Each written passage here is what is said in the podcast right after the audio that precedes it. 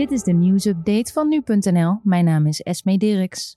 De Amsterdamse politie heeft twee verdachten aangehouden in het onderzoek naar een van de schietpartijen in de Vechtstraat.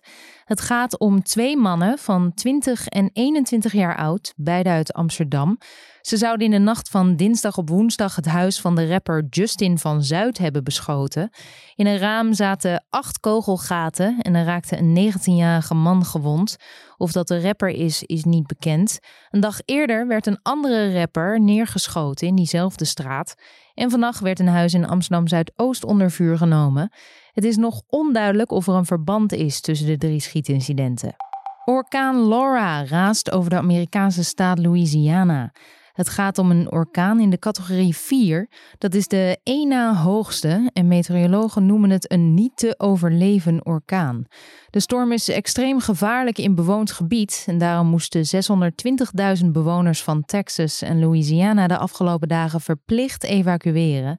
De Nationale Garde is in staat van paraatheid gebracht, want de afgelopen weekend kostte Laura in Haiti al aan 20 mensen het leven. En ook is er daar veel schade. Het is nog niet bekend hoe dat in Louisiana is. Frankrijk bestempelt 19 nieuwe regio's tot zogenoemde rode zones. Het gaat om de hele zuidkust aan de Middellandse Zee, het eh, departement Gironde in het westen en een aantal grote steden als Bordeaux en Toulouse. In die gebieden loopt het aantal coronabesmettingen op.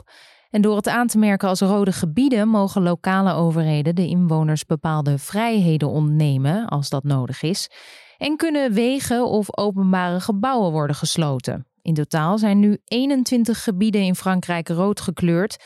De beslissing leidt mogelijk tot een nieuw aangescherpt Nederlands reisadvies. De corona-uitbraak in een verpleeghuis in Maasluis kan drie mogelijke oorzaken hebben. Dat concludeert de GGD na onderzoek. Contact tussen bewoners, medewerkers die zich onderling niet hielden aan de anderhalve meter regel en het ventilatiesysteem. Dat laatste kan niet worden uitgesloten, al wordt het contact gezien als meest voor de hand liggende oorzaak. Op 17 juni vertoonde een van de bewoners namelijk verkoudheidsklachten, maar deze werd pas na drie tests positief bevonden. Waarschijnlijk heeft hij meerdere medebewoners in de tussentijd besmet. De afgelopen weken was er veel te doen over de ventilatie in het verpleeghuis.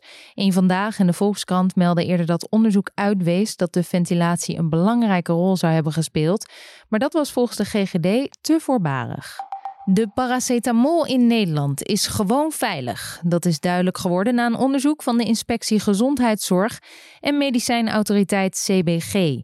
Er werd getwijfeld aan de veiligheid toen bleek dat een Chinese producent een te grote hoeveelheid van een kankerverwekkende stof in paracetamol zou verwerken. En die fabriek leverde de afgelopen jaren ook aan ons land. Daarom gaf de overheid opdracht tot een onderzoek. Daaruit blijkt nu dat de samenstelling van de paracetamol die bij ons in de schappen ligt gewoon goed is. En dit was de nieuwsupdate van nu.nl.